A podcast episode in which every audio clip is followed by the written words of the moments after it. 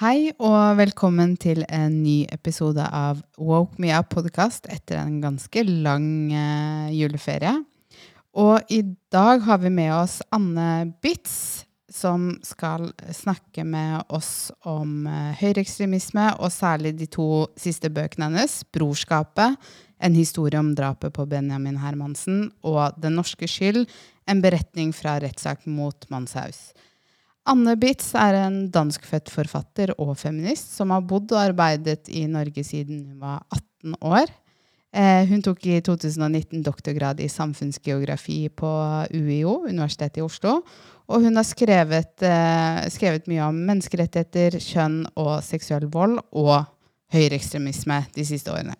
Vi kan begynne egentlig med å bli litt kjent med deg, Anne. Mm. Og um, det er jo mange av lytterne våre som sannsynligvis vet hvem du er allerede. Uh, men vi er jo veldig opptatt av at alle skal uh, bli kjent med våre gjester. Så kan du fortelle litt om deg selv? Og altså litt om deg selv, hvis du kunne gjort det? Ja. Jeg er jo på en måte også innvandrer, da. Eh, jeg kom hit til Norge for I fjor hadde jeg mitt sølvbryllupsjubileum. Så jeg har bodd i Norge i 25 år eh, og kom hit da jeg var 18. eh, og har vært sånn evighetsstudent, egentlig. Har brukt altfor lang tid oppe på Blindern. Eh, litt sånn på godt og vondt. eh, jeg er jo utdanna samfunnsgeograf, men er mye sånn autodidakt. Eh, litt sånn sosio noe sosiologi i fagkretsen. Eh, kriminologi har lenge vært veldig opptatt av hvordan strafferetten forma samfunnet vårt. Eh, og så har jeg forsket en del på seksuell vold eh, før jeg begynte å eh, å interessere meg for å fordype meg mer faglig i rasisme og høyreekstremisme. da. Hva, hva er liksom drivkraften i, i arbeidet ditt? Det har jeg blitt spurt om før, og jeg tror eh, Det er liksom ikke Skulle ønske at jeg liksom kunne sagt at det er sånn altruisme eller liksom med gode hjerter liksom, som gjør at jeg går inn i de problemstillingene her. Men jeg tror egentlig så er det Jeg er liksom utstyrt med en sånn antifobisk atferd. At min liksom løsning på når det er noe som jeg syns er veldig skremmende, så er det at jeg forsøker å skaffe meg mer kunnskap om det. Så da jeg begynte å forske på voldtekt tilbake på midten av 2000-tallet, så var jo det på et tidspunkt hvor det var en kjempestor bølge av overfallsvoldtekter i Oslo. Som gjorde at gatene var ganske utrygge for mange kvinner. Eh, og da følte jeg at jeg liksom trengte mer kunnskap om hvem er det som ble utsatt, hvorfor er det det skjer. Eh, og hvorfor skjer det i et så tilsynelatende likestilt samfunn som Norge, da? Eh, og når det gjelder liksom engasjementet rundt rasisme og høyreekstremisme, så har jo det ligget der mye lenger enn jeg har skrevet om det. Og Den norske skyld er jo barn av 22. juli. Eh, og 22. juli var jo en hendelse som påvirket veldig mange av oss, og kanskje på måter vi vil kanskje først begynne å forstå nå, da, tenker jeg. Men for meg ga det i hvert fall en retning inn i både min forskning og liksom i min politiske forståelse som Ja, det formet også doktorgradsarbeidet mitt, selv om det, liksom, det handla mest om seksuell vold, da. Men veldig mye av voldtektsdebatten har også elementer av rasisme i seg. Og begynner man å nærestudere Anders Behring Breiviks manifest, eh, så ser man jo at en god del av de holdningene han har til kjønn og seksualitet og innvandring, er liksom det er noe du kunne ha henta ut av et hvilket som helst kommentarfelt liksom, eh, eh, i løpet av liksom, 2000-tallet og 2010-tallet. Så for meg var det liksom egentlig en ganske naturlig overgang fra å forske på seksuell vold til å gå inn i ekstremismefeltet også, da. Som var et veldig langt svar på et uh, enkelt spørsmål. Beklager det. Nei, fint. Nei, det er lov, det. Men jeg har et annet spørsmål også. Med, du, jo, du, er jo innvandrer, sånn mm. nordisk innvandrer fra Danmark. Mm. Er det noen forskjeller eh, fra det danske samfunnet på disse temaene sammenlignet med det norske? Har du sett noe likheter eller ulikheter? Ja, det er jo både likheter og forskjeller. Altså, det som jo er forskjellig altså på, på, det tidspunktet hvor jeg flyttet hit, da, i 97, eh, så hadde vi fremdeles en sosialdemokratisk regjering sant, i, i, Danmark. Men rundt 2001 så kom det en borgerlig regjering med Anders Fogh Rasmussen eh, som ble sittende ganske lenge, og som på det tidspunktet eh, hadde Dansk Folkeparti som parlamentarisk grunnlag. Og da husker jeg at jeg diskuterte dette med gudfaren min, som er liksom den klokeste mannen jeg vet om. Og jeg var litt sånn Jeg tror jeg hadde litt sånn som god immigrant her, da, så hadde jeg jo allerede denne sånn, norske eksepsjonalismen under huden. Sånn, ja, vi gjør det ikke sånn her. Og Fremskrittspartiet de var liksom parkert nokså sånn solid ute på sidelinjen og ble ikke gitt noe særlig innflytelse. Ikke, ikke i det hele tatt, faktisk, på det tidspunktet eh, av, altså, av personer på, på den parlamentariske høyresiden. Men da sa gudfaren min jeg bare vent, det kommer til dere også. Og det gjorde det jo. Eh, men på en helt annerledes eh, måte, tror jeg, enn noen av oss hadde eh, forutsett. At så kort tid etter 22. juli kom Frp ikke bare inn som et parlamentarisk grunnlag, men de suste direkte inn i regjering og fikk noen av de mest maktfulle postene. Til tross for at den norske befolkning var godt kjent med eh, Breiviks eh, relativt korte karriere, riktignok, i partiet, men han hadde jo vært medlem der i, i ti år. Eh, eh man kan jo ikke liksom sånn Hatt verv også. Ja, ikke sant. Eh, eh, var det Ullern, eller nei, hvor var det hen? Uranienborg, tror jeg det var. at ja. han... Sånn lokal lokalt verv. Ja. Men, men, det er jo interessant det du sier her. så Det føles som at hvis vi bruker betegnelsen høyrepopulisme, da, som mm. er litt politisk korrekt mm. Hvis vi sier høyreradikale, så er det noen som reagerer. Mm. Det husker vi fra diskusjonen eh, eh, fra rundt den tida, mm. eh, hvor eh, noen svenske kommentatorer var litt slemme og sa Frp er ikke er, er høyreradikale, da. Så var det mm. noen norske Alt fra ikke bare norske Frp-er-politikere, men også folk i Høyre og til og med folk på venstresida. Det ble en pressekonferanse til og med. Mm. Det ble en pressekonferanse, Men det, det, føles som at Danmark var sånn 10-15 år før oss mm. når det kom til det med normalisering av høyrepopulismen. Mm. mm. Eh, når du kom hit i slutten av 90-tallet, mm. Eh, så, så, ble det normalisering av Dansk Folkeparti, som du var inne på. Mm. Det ser ikke ut som vi lærte noe fra det. Nei. Eh, men, men er det men det er jo noen som liker å bruke dette her mm. som et eksempel på at Danmark ikke har hatt høyreekstrem vold, som er mm. egentlig det vi skal snakke mye om mm. i dag. Mm. Og at det, forklaringen kan ligge i at uh, de har normalisert uh, Dansk Folkeparti. At det har vært en buffer. Mm. Det er jo en, en slags uh, teori som en del forskere til og med. Mm. Jeg vil ikke tro det er kollegaer av deg, men som i andre fagfelt, som mener noe sånt.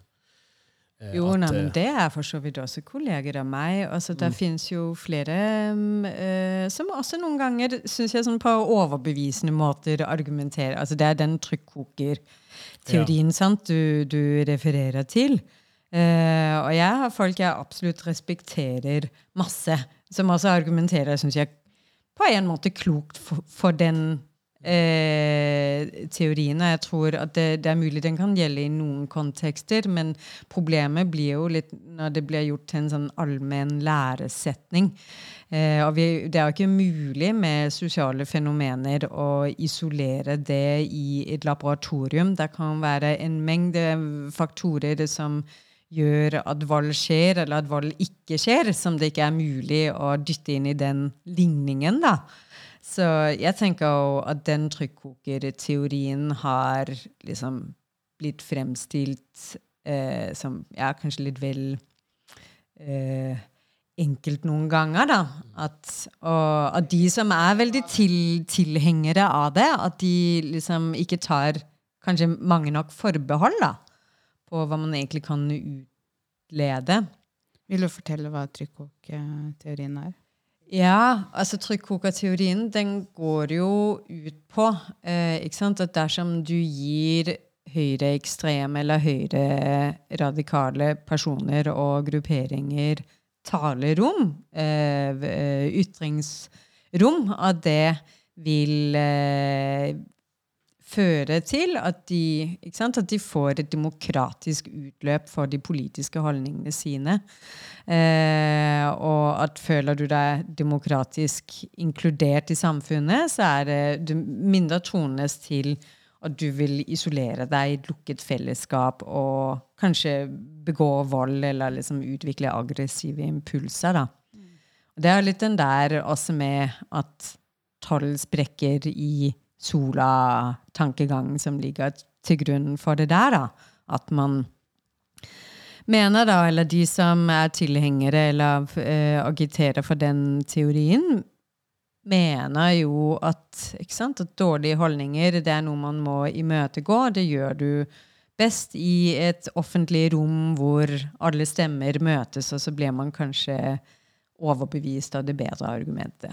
Så har du motstanderne, selvfølgelig, som sier at slipper du holdningene fri, eh, så kan det kanskje ikke bare oppleves krenkende for de som er liksom målskiven for fordommer og stereotypier, men det er jo også en måte å eh, gi frislipp for politisk organisering, da. At det fører til normalisering av fordommer. Og det finnes jo også noe forskning på, eh, at det er tilfellet. da. Mm.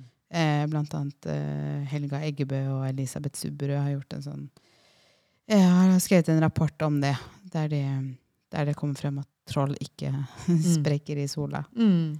Nå er det sånn at troll er også fantasifoster, mens høyreekstremismen vi skal snakke om, mm. den er jo ikke fantasi. Det er jo i virkelighet. Mm. Eh, jeg har lyst til å snakke litt om, eh, som sagt, eh, en av de sånn glimrende gjennomgangen av rettssaken mot Philip mm. Manshaus som noensinne har blitt skrevet. Det er din bok, mm. 'Den norske skyld'. Mm. Um, jeg, jeg, la merke til tittelen. Mm. Uh, og uh, kunne du forklart litt hva du mener med den tittelen? For man må jo lese Du forklarer jo veldig fort tidlig i boka, men mm. den er jo veldig sånn Du får lyst til å Du plukker opp boka, så ser du 'Den norske skyld' som står der, og så står det en beretning om, eh, fra rettssaken mot mm. Philip Manshaus. Mm. Hvem er det som er skyldig? Altså, er ikke det bare Philip Manshaus? Eller er vi alle skyldige? Ja, det er et veldig godt spørsmål.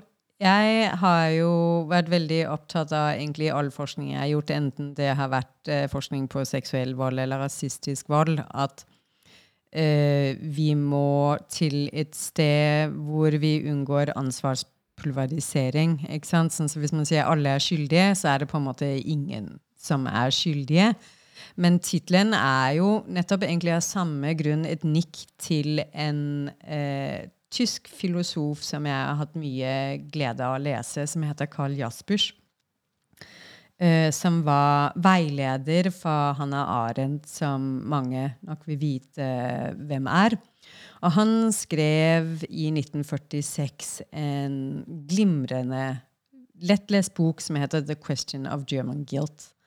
Hvor han nettopp var veldig opptatt av dette med at hvis vi skal forstå sånne voldsomme hendelser da, som folkemord, holocaust eller 22. juli eller terroren i Bærum, så må vi rykke diskusjonen ut av et rent sånn strafferettslig spor eh, at det er mange aktører som eh, kanskje bærer, om ikke skylden, så er i hvert fall en del av et ansvar for at den typen hendelser skjer. da. Eh, og han har en sånn firedelt typologi.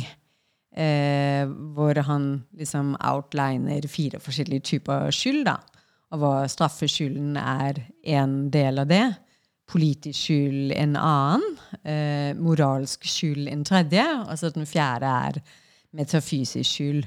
Og det syns jeg liksom var veldig nyttig for å liksom kunne si ok, du har enkelttilfelle mannshaus, men han er en del av et samfunn og, og en del av en politisk kontekst. Og skal vi forstå det han har gjort, så må vi også demontere liksom, det moralske og politiske landskapet han befinner seg i, og hvem som kanskje har en andel i noe som har skjedd på et tidligere tidspunkt. Sant? At det er mange skranker som må overskrides før han står med geværet i hånda og sikter på søsteren sin og disse mennene i moskeen. Det er jeg opptatt av. Ja, fordi det interessante er at du, du tar jo snu speilet mot samfunnet Mm. og sier ja, eh, juridisk, altså strafferetts, straffeskylden er det Manshaus som har, Mm. handlingen er hans. Mm. Han, eh, det er de han har fengslet for, og siktet og dømt for. Men spørsmålet er du er jo dette med tankegods. ikke sant? Mm. Det, det, det kan vi også gå inn på litt tilbake, men det var jo noen av disse tingene som blusset opp samtidig som eh, litt før eh, rettssaken. Mm. Hvis du husker 2021, Mm. så var det jo to ting som skjedde. Det var jo eh, det masse bøker som kom ut Mm. siden det var ti år siden 22. juli fant sted. Mm. Eh, Så rundt vår, vårparten og i høsten 2021 så kom det flere bøker ut som var veldig interessante, Mm. som tar for seg forskjellige aspekter og sider av det som har skjedd siden 2021, da. Mm. Og det som skjedde det oppgjøret. Mm. Det var flere AUF-ere som eh, annet tok til orde for at det ble ikke noe oppgjør. Mm. Og jeg forsto det sånn, jeg vet ikke om du også gjorde det, men jeg forsto som at det var De snakka ikke om det eh, straffeskylden. At eh, man ikke straffet ikke Breivik, det gjorde man. Men at det moralske og det metafysiske Mm. det oppgjør, Når de snakker om oppgjør, så er det de to, tre andre formene av Mm. skyld, eller i hvert fall to av dem, som de fokuserer på. Ja. Føler at det er at denne kritikken har blitt tatt på en god, godt måte av samfunnet? Har det vært noe oppgjør? Eller er du enig med eh, de som kom ut med disse bøkene, som AUF-ere og en del Snorre Valen som var ute med kritikk av medias håndtering av eh, debatten om 22. juli? Det er litt sånn ja og nei svaret på det spørsmålet. Jeg syns jo at det er mye vondt som har skjedd etter 22. juli. Jeg hadde virkelig hatt en helt annerledes forventning. Sikkert naivt av meg, eller det skjønner jeg jo etter jeg har skrevet disse bøkene. Men, men jeg tenkte virkelig at det ville bli et vannskille. At det ville endre oss som samfunn, og at vi aldri liksom At det ville det, liksom ville vært utenkelig at vi ville drive og bagatellisere islamofobi og, og rasisme etter det. Jeg tenkte at dette kommer til å bli et sånn definerende øyeblikk i, i vår historie. Eh, at vi ville stå mer samlet etter det. Og det var jo det motsatte som skjedde. Og så er én ting hva som liksom strømningene er i befolkningen, men vi har jo ikke hatt politikere som har tatt et lederskap heller. Så det er jo i forhold til dette med den politiske skylden. Eh, jeg- ble spurt om for en stund hvem jeg håpet liksom skulle lese, lese den boka om Manshaus. Og det er jo Altså, jo, det handler jo er ikke noen illusjoner om at Sylvi Listhaug eh, kommer til å plukke opp den boka, men er det én person jeg virkelig skulle ønske ville lest det, så, så er det Erna Solberg, som jo eh, Det kommer nok ikke som noen overraske, overraskelse for noen at, at jeg er venstreorientert eller befinner meg på venstrefløyen, men Erna Solberg har jo likevel, mener jeg, som, som statsminister kunnet spille en rolle, altså sånn midt som et eh, sentrumparti, da. eh, kunne spille en rolle som en forsvarer for anstendighet. Da. Det mener jeg er et momentum hun ikke grep eh, i det hele tatt. Jeg syns ikke at hun eh, som liksom landets øverste leder gjorde verken det hun kunne eller burde, burde gjøre for at de sårene etter 22. juli ble, ble helet. Tvert imot så syns jeg det var utrolig mye opportunisme ute, ute og gikk etter 22. juli. At hun Ja, lot det var noen grove utsagn som kom fra til og med Høyre-folk. ja, Men som, også eh, som eh, s- 22. juli-kort og ja. Det var jo veldig Og Som hun lot passere, Ja. ikke sant? Så som er politisk opportunisme. Eller jeg ville ikke brukt de ordene. Ikke ja, sant? ja. Men tenker du Altså, har vi Har vi vært i stand til å snakke om rasisme? Fordi det er jo også min opplevelse, at vi ikke har snakka om rasismeaspektet ved eh, 22. juli, men vi har snakka om det som et angrep mot demokratiet.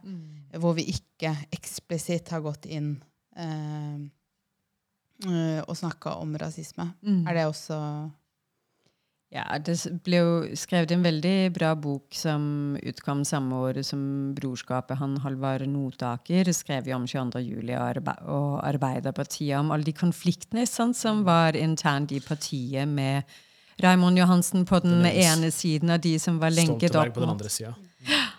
Ja. Og hele liksom, de sånn, fraksjonskrigene som på en måte Ja. også er de som har en lojalitet til fagbevegelsen og arbeiderbevegelsen, og Stoltenberg som hadde en rolle som statsminister som skulle forsøke å få til et gjenvalg på sikt og måtte stå og liksom få en holde befolkningen samla, da.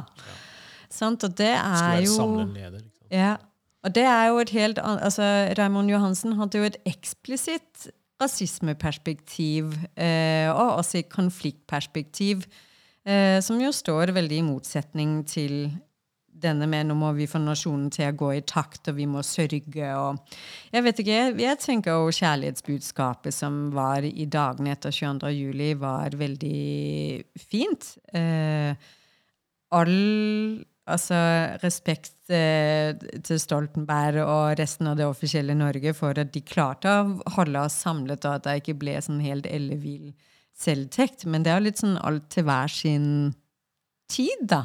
Det ble liksom bare stående der, dessverre. Det tror jeg å ha å gjøre med nettopp den tendensen vi har i samfunnet til altså, Når rettssaken har sagt sitt, så bare hiver vi disse mennene som gjør disse tingene, da, i fengsel. Og så hiver vi så å si liksom Bare kaster vi nøkkelen, liksom. Og er det egentlig motsetning? Altså, kan man ikke gjøre begge deler samtidig? Kan man ikke oss, altså, ha et budskap om 'nå skal vi samle oss', Ja. men altså, med antirasisme opp. Ja, ja, Ja. samtidig som vi har uh, fokus på jeg, jeg tenker jo at det er den beste måten å gjøre det på, at vi Mm. tar et oppgjør med det grumset. Det var eh, Men spørsmålet er hvordan man skal gjøre det. da. Ikke? Hvilke former, hvilke aktører er det som må inn?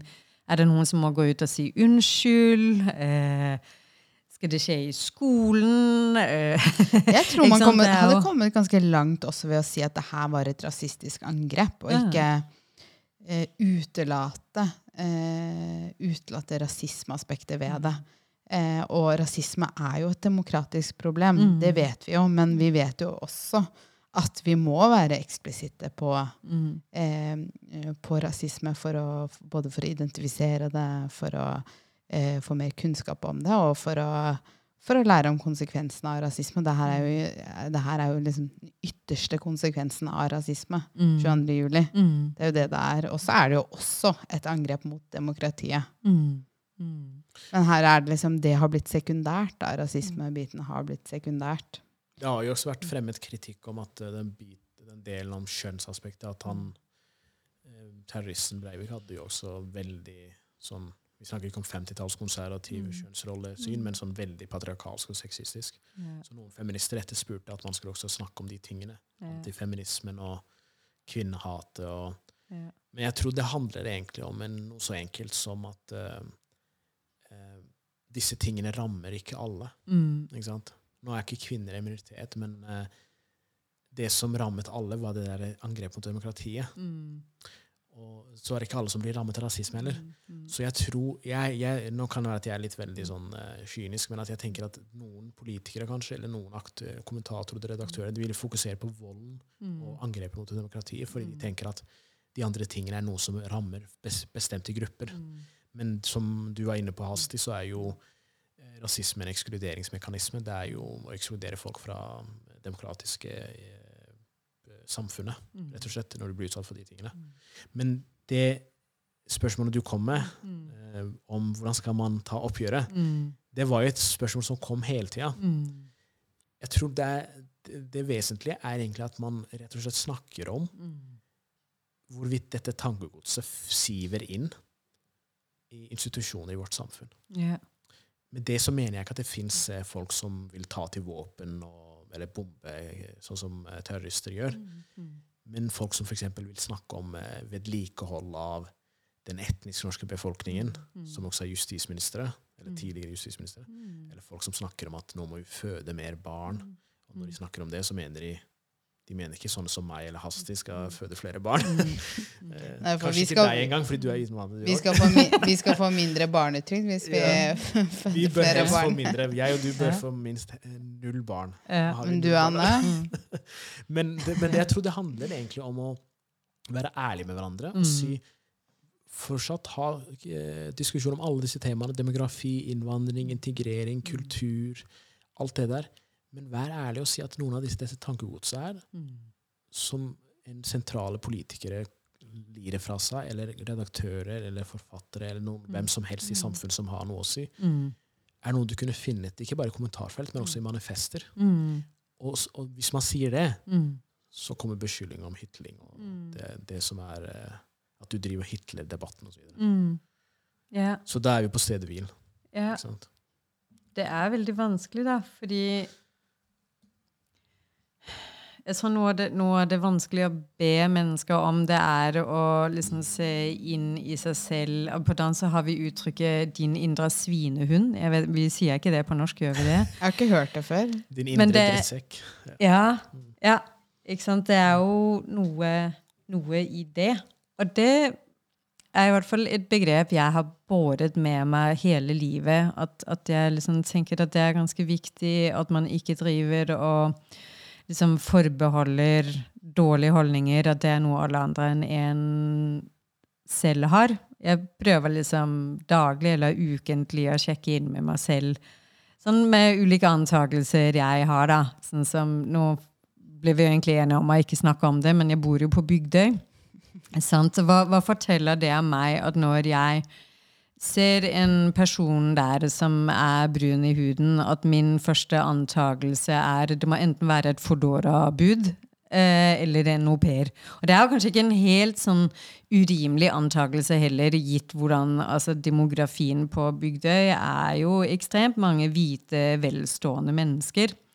Men det er jo likevel en assosiativ tankegang der som jeg tenker er formet av, av samfunnet. At man, ko, altså, man koder folk på bestemte måter fordi det er noen stereotypier om hva vil det si å være rik, suksessrik og, og, og velstående, da, som gjør at man begynner å få de oppfatningene. Og det kunne jo like gjerne vært eh, en diplomat da, som bor der ute, eller en kjempesuksessfull businessdame som har flyttet hit fra Hongkong, eller en hvilken som helst en gründer, eller ikke sant? Det kunne jo vært alle mulige folk egentlig som kanskje liksom har foretatt en, en form for klassereise. Men poenget er liksom bare at dette med den indre svinehunden, at rasistiske holdninger og stereotypier er noe vi alle sammen kan, eh, kan være tilbøyelig til å ha. Sånn så de oppgjørene som må skje i etterkant av hendelser som 22. juli eller 10. august eller 25. juni, også for den delen, er at man også må tenker jeg, se inn over og stille seg spørsmål om man er med på å opprettholde noen av de strukturene eller noen av de holdningene som gjør at at dette her lever videre. Det tror jeg veldig få folk er villige til egentlig å gjøre. Det gjør vondt da å skulle erkjenne at man kanskje ikke er så tolerant eller fordomsfri som man liker å tenke. Jeg tror det kan være veldig ubehagelig å Mm. eh, tenke på det, ja. Altså, Mm. vi er jo ikke fritatt eh, vi, Ja, det er i oss alle. Jeg må Mm. også ta innsjekke på meg sjæl ganske ofte. Eh, men jeg tenker det er en viktig ting å gjøre. da. Mm. Ha noen Så for 'check your privilege', så sier vi til lytterne 'sjekk din indre svinhund'. Ja. Og så tenk, jeg, jeg tenkte jeg skulle høre eh, at vi kunne snakke litt om det kjønnsaspektet. Mm. At uh, radik Det er jo radikalisering du har skrevet mest om. Mm. Uh, og det er litt uh, ulikt eksempel, eh, altså Det du har skrevet, er litt ulikt f.eks. Åsne Seierstad og Kristin Solberg. Eh, det de har skrevet om. De har fokusert på radikalisering av eh, kvinnelige norske islamister med to søstre og den andre. Mm. Eh, mens du, du fokuserer veldig mye på eh, hvite, mannlige hø høyreekstremister i de to siste bøkene dine. Mm. Hvordan skal man forstå radikalisering, kjønn og maskulinitet?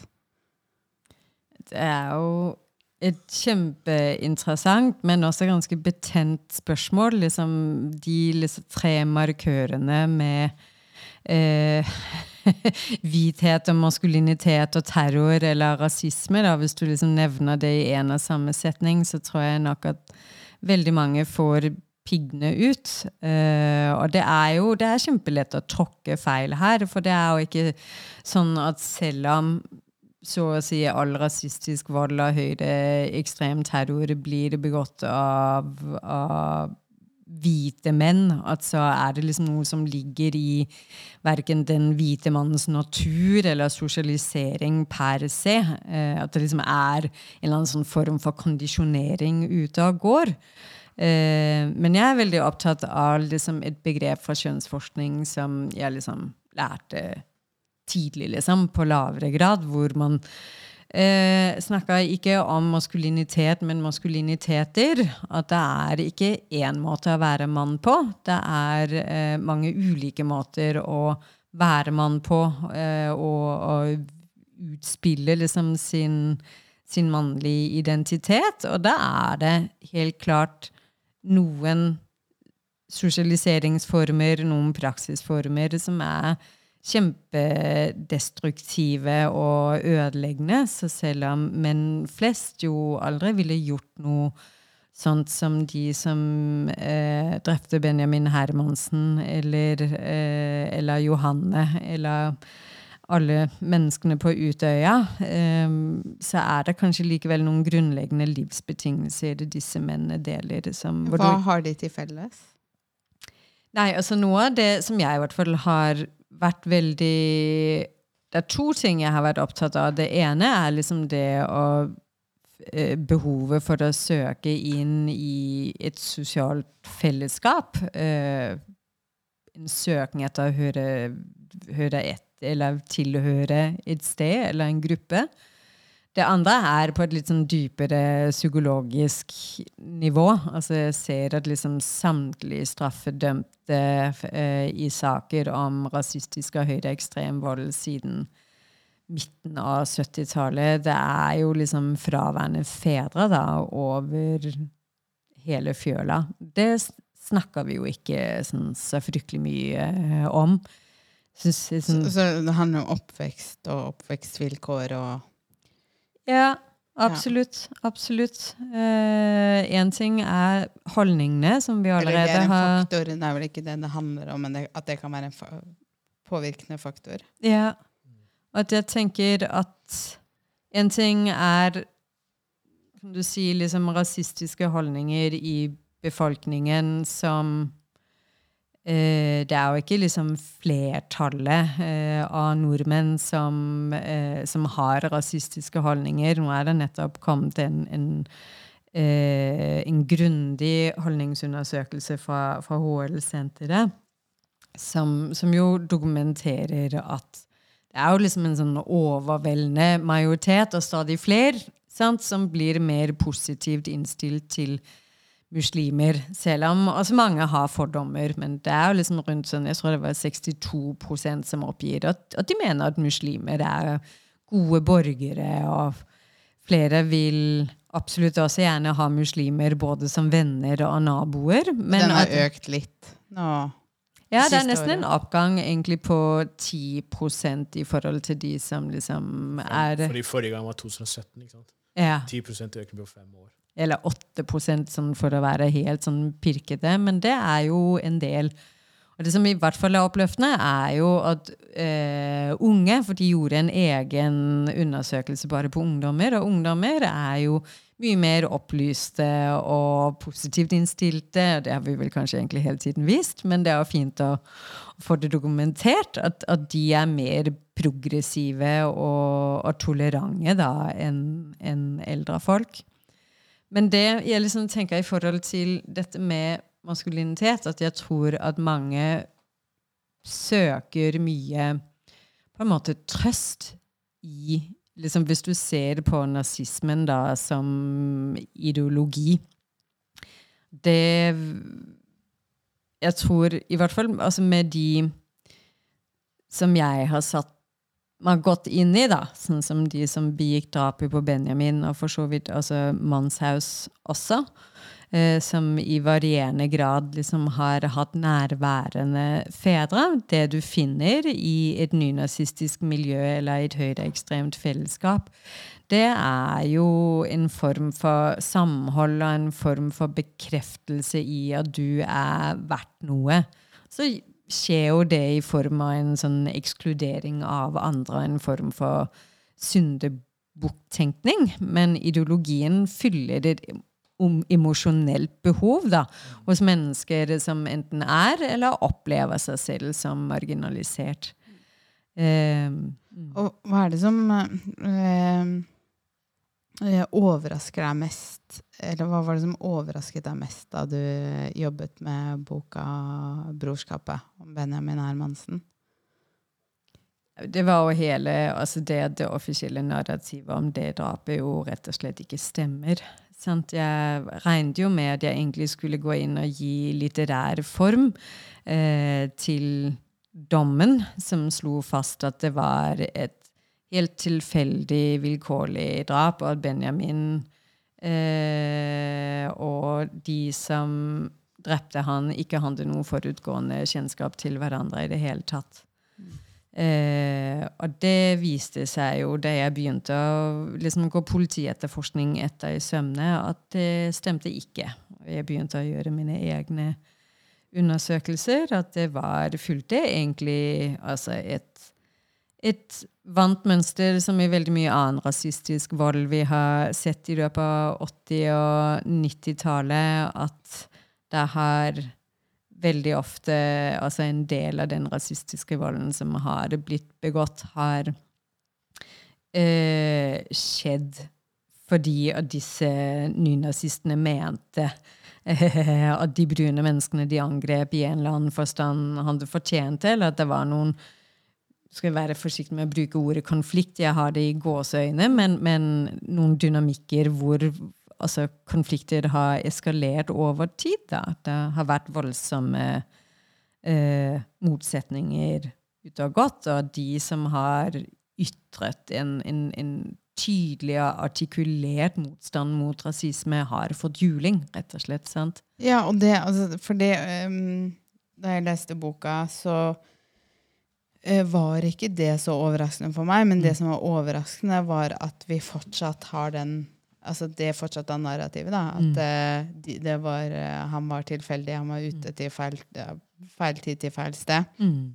Og jeg husker jo selv vokste opp på både Bogerud og Ellingsrud på 90-tallet. Og jeg mm. husker at vi visste hvor vi skulle bevege oss, hvor vi ikke kunne bevege oss fordi det var nazister til stede. Vi var mm. veldig klar over det. Vi fikk beskjed både hjemme og eh, blant venner det var eh, uttalt. Liksom. Det, var, mm. det, visste vi. Mm. Men at det fortsatt ikke har blitt integrert del av historien som vi forteller, når, når du har gått og gjort en så grundig jobb. Hva er det som skal til da, for at vi kan oppdatere eh, historien? Både drapet på Benjamin Hermansen, men også 22. juli. føler jeg. Så nå vi, hadde vi den debatten i 2021 mm. hvor vi endelig liksom eller noen tok til orde for at vi skulle snakke mer om rasismeelementet.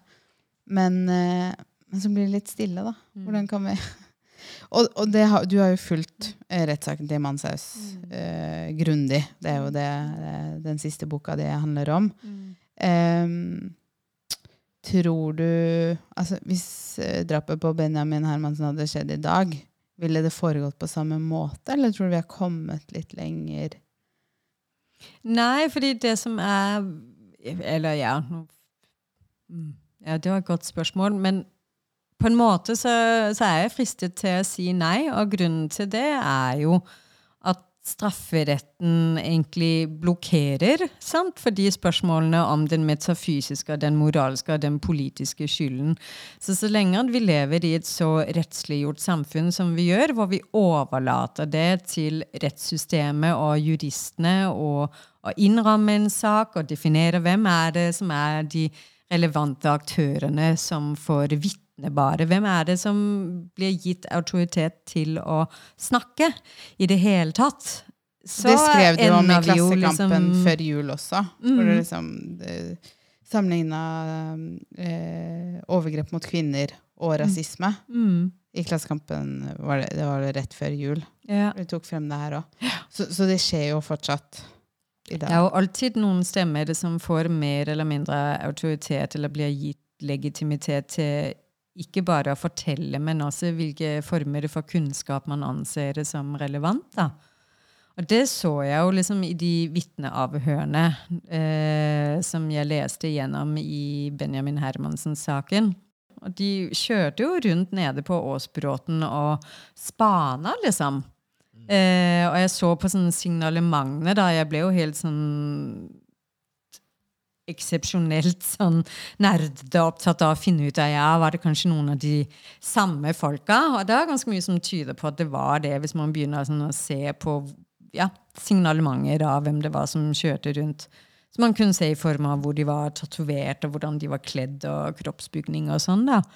Eh, Men det var jo ingen av dem som fikk vitne i retten. Den eneste som vitnet i, i retten, var Hadi eh, Gale som, som var Benjamins eh, gode venn. Som var sammen med han den kvelden. Eh, Benjamin Hermansens mamma. Og ellers en Altså, ja, altså selvfølgelig de som, eh, som var henholdsvis eh, siktet og, og tiltalt, men det var jo ikke liksom en Ingen tidligere ofre og- av nazistene, altså de som de eh, gikk rundt og speida. Ingen av de fikk lov til å uttale seg. Nei, de hadde, de hadde vel til og med med en tidligere nabo eller venn av en av de siktede som selv var eh, brun. Som var der, eh, Mm. som var vitne til forsvar for eh, den siktede. mm, mm. Og noe av det som overraska meg da jeg leste boka, var den eh, beskrivelsen om han som var i avhør, eh, kompisen til Benjamin som var i avhør, som eh, ikke var komfortabel med å snakke om politiet. Han visste ikke hva som ville bli, bli fortalt til foreldrene sine, for han røyka. Mm. Han hadde ikke fortalt, altså De visste ikke han røyka i smug. Mm.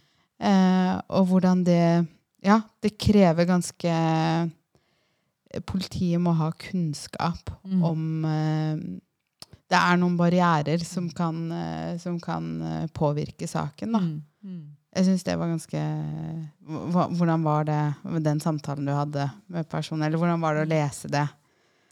Jo, men altså Hadis eh, skjebne har jo berørt meg veldig.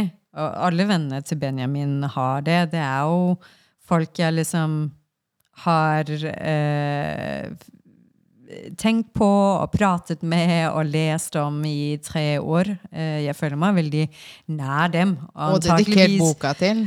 og antageligvis mer enn de føler føler i forhold til meg. Jeg har ikke gjort annet enn å tenke på dem i tre år, holdt jeg på å si, mens de har ikke møtt meg så mange ganger. Men, men akkurat når det gjelder Hadi, så uh, var det veldig mye med liksom, den måten han ble behandla av politiet på den gangen, som virkelig sjokkerte meg og, og opprørte meg. At han jo blant annet altså fikk jo ikke beskjed om når saken var berammet. Han måtte få lese om i media, f.eks. når det var han skulle vitne.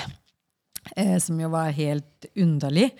Eh, han innga selv en anmeldelse eh, for drapsforsøk, og det ble jo egentlig bare henlagt på grått papir, også uten at han ble orientert da, eh, om at det, det var tilfellet.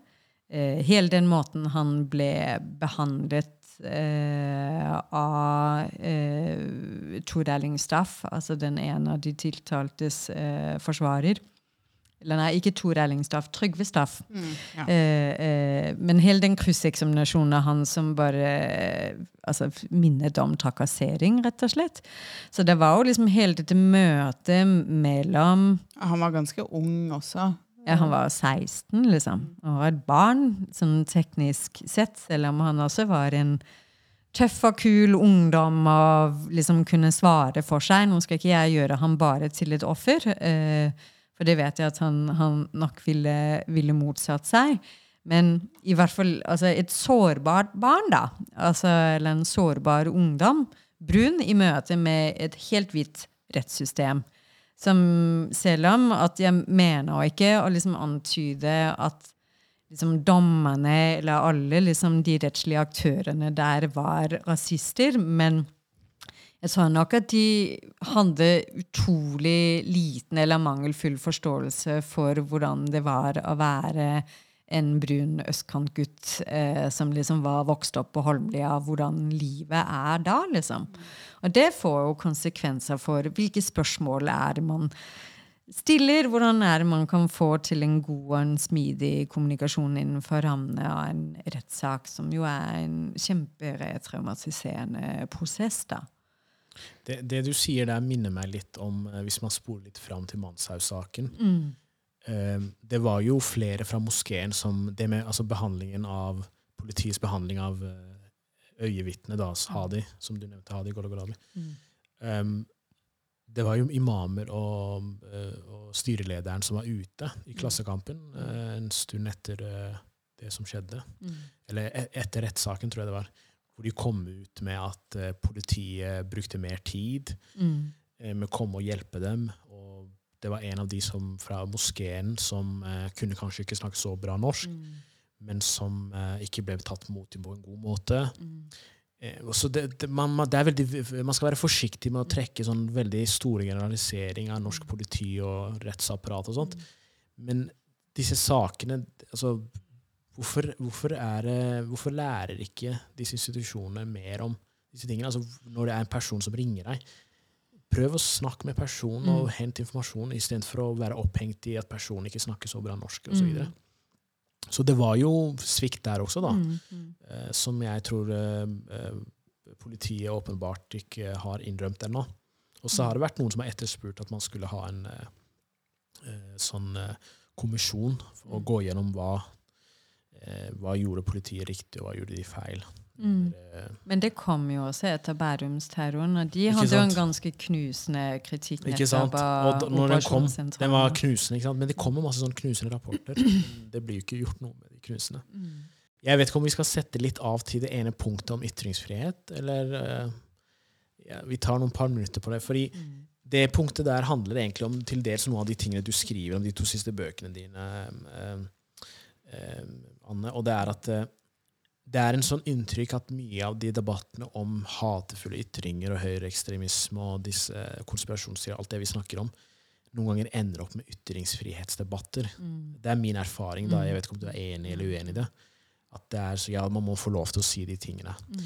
Og så har man det andre sånn ekstreme tilfellet, som er når uh, disse terroristene bruker uh, domstolene som mm. plattformer. Da. Mm. Det var jo mye diskusjon fram og tilbake. Skulle man eh, streame Manshaus forklaring? Mm. Det var noen sånn diskusjon om det. Mm. Media, det som presseetikk osv.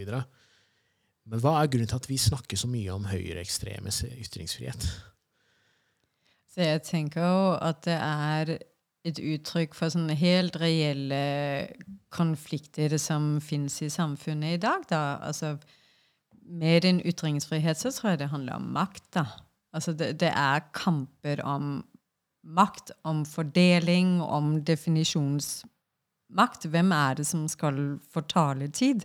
Så selv om de som sier at vi må skille hvordan eh, Ja, man må skille eh, ord og handling, og at ord i seg selv ikke skader, og det er det handlinger som gjør, og derfor så må man liksom kunne få, få, si hva man vil. Det er jo en, egentlig, synes jeg, en veldig underlig eller paradoksal ting å si, fordi vi ville jo aldri ytret oss hvis ikke vi trodde at det hadde en effekt. ord endrer verden. liksom. Ord beveger verden. Ord er den måten vi knytter oss til hverandre på, eller skyver dem fra oss. Hvis ikke ord var noe annet enn ord, så hadde vi jo aldri utarbeidet en eneste, en eneste lov, da. eller en eneste handlingsplan. Det tror jeg liksom sånn savner en sånn litt mer altså Vi snakker om det der oppe på Blindern hele tiden. liksom Hva er forholdet mellom ord og handling og disse gjerningspersonene, spesielt vi som holder litt på i narrativ kriminologi, er jo veldig opptatt av liksom hvordan det offentlige ordskiftet og hvordan ideologi og ideer Hva er sammenhengen mellom det, og, og at noen liksom griper til våpen, da. Men jeg skulle gjerne liksom ha dratt dette ut av elfenbenstårnet vårt da, og fått en litt mer sånn god folkelig forståelse av hva, hva ordet er for noe, og det, ja, hvordan det påvirker relasjonene vi har med hverandre, og hvordan, liksom, hvordan de forbindelsene der er. Og realiteten er jo at alle de som begår vold, og det er uansett om det er eh, noen som liksom slår til en på byen som eh, har tatt på rumpa til dama di, eller eh, de som skyter ned en hel ungdomsleir på Utøya. Vold det er jo alltid noe som skjer fordi at man, altså man motiverer seg i en eller annen fortelling om urett. da.